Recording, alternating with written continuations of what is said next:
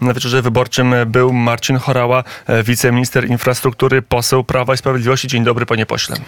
Dzień dobry, wiceminister funduszy i polityki regionalnej funduszy. już od dwóch lat. Dobrze, dobrze, przepraszam, ale e, może teraz będzie infrastruktura, a może w ogóle trzeba będzie się z rządem pożegnać. Co oznaczają dla polskiego rządu e, wyniki wyborów?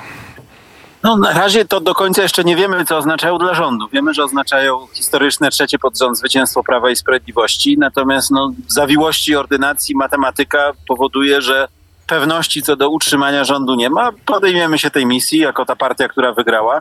Jestem też przekonany, że jest duża szansa, że te ostateczne, rzeczywiste wyniki jednak będą lepsze niż wyniki sondażu, którym jest exit poll. Liczy pan, że będzie lepiej? Co pana zaskoczyło w tych wynikach sondażowych?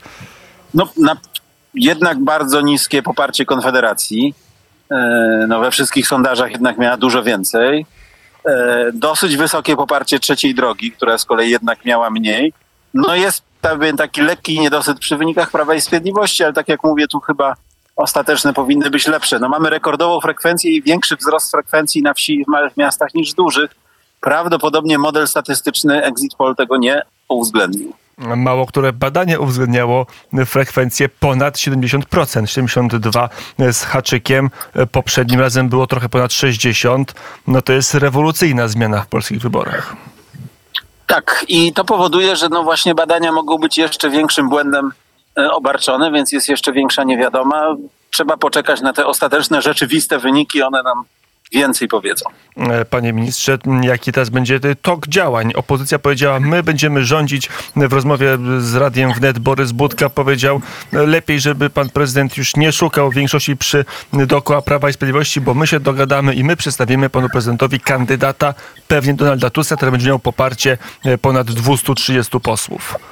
Prerogatywą prezydenta jest jednakże to, że jako pierwszy wskazuje kandydata na premiera a dobrym zwyczajem od lat stosowanym w Polsce od wielu kadencji, że tym kandydatem zostaje osoba wskazana przez partię, która wygrała wybory, która zdobyła najlepszy wynik, a wszystko na to wskazuje, że tą partią jest Prawo i Sprawiedliwość. No dobrze, ale nie będziecie mieli prawie na pewno samodzielnej większości. Trzeba będzie szukać koalicjanta. Konfederacja ewentualnie, też mówię, że nie chce, ale nawet ewentualnie ona nie da mam tej większości. To jak wy zbudujecie rząd, o ile, o ile potwierdzą się wyniki z Exit Poll, a tak jak mówię, moim zdaniem będą one dla nas lepsze to po pierwsze, a po drugie zobaczymy. Demokracja parlamentarno-gabinetowa e, różne warianty i różne możliwości już widziała.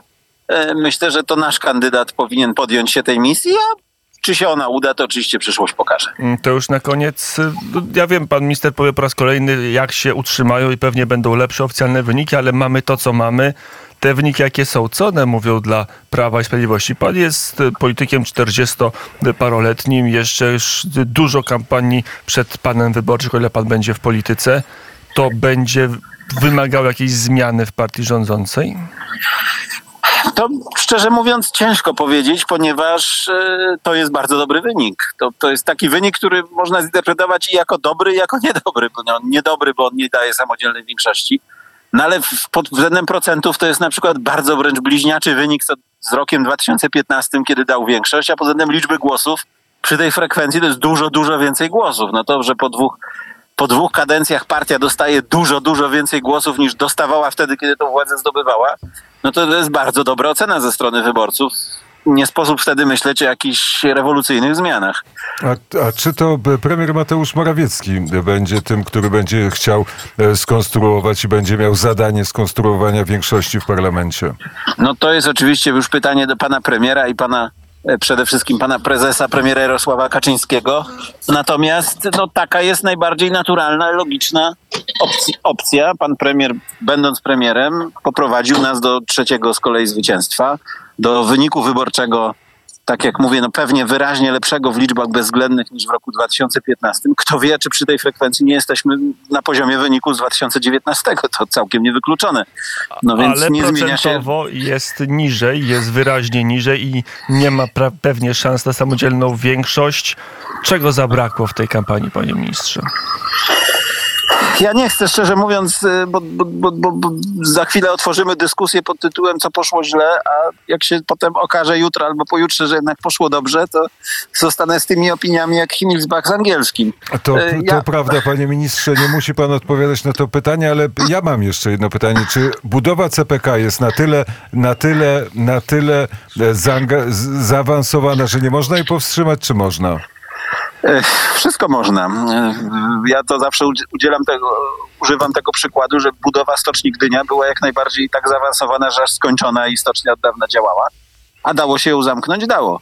E, więc oczywiście to nigdy nie jest tak zero-jedynkowo. Ja mam nadzieję, że no, dosyć oczywiste i ogromne szkody dla Polski wynikające nawet nie tyle z przerwania budowy, co po prostu z tego, że Polska nie będzie miała CPK, będą tak duże, że no, różne rzeczy tam się w, w kampanii wyborczej opowiada, ale jednak jakieś elementarne absolutnie poczucie odpowiedzialności za państwo i za przyszłość Polski w rządzie, który by teoretycznie był opozycyjny, również zwycięży.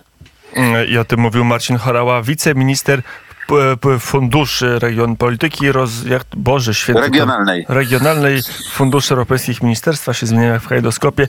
Poseł niezmiennie Prawa i Sprawiedliwości zaczymy, ale chyba mandat pan odnowi. Jak pan się czuje, panie pośle? Nie no, pod tym, nie, nie chcę tu jakoś pysznie zabrzmieć, ale raczej pod tym względem jestem spokojny. Mm, Z tym jednym spokojem zostawiamy pana ministra Marcin Chorała. Dziękuję bardzo za rozmowę. Bardzo dziękuję.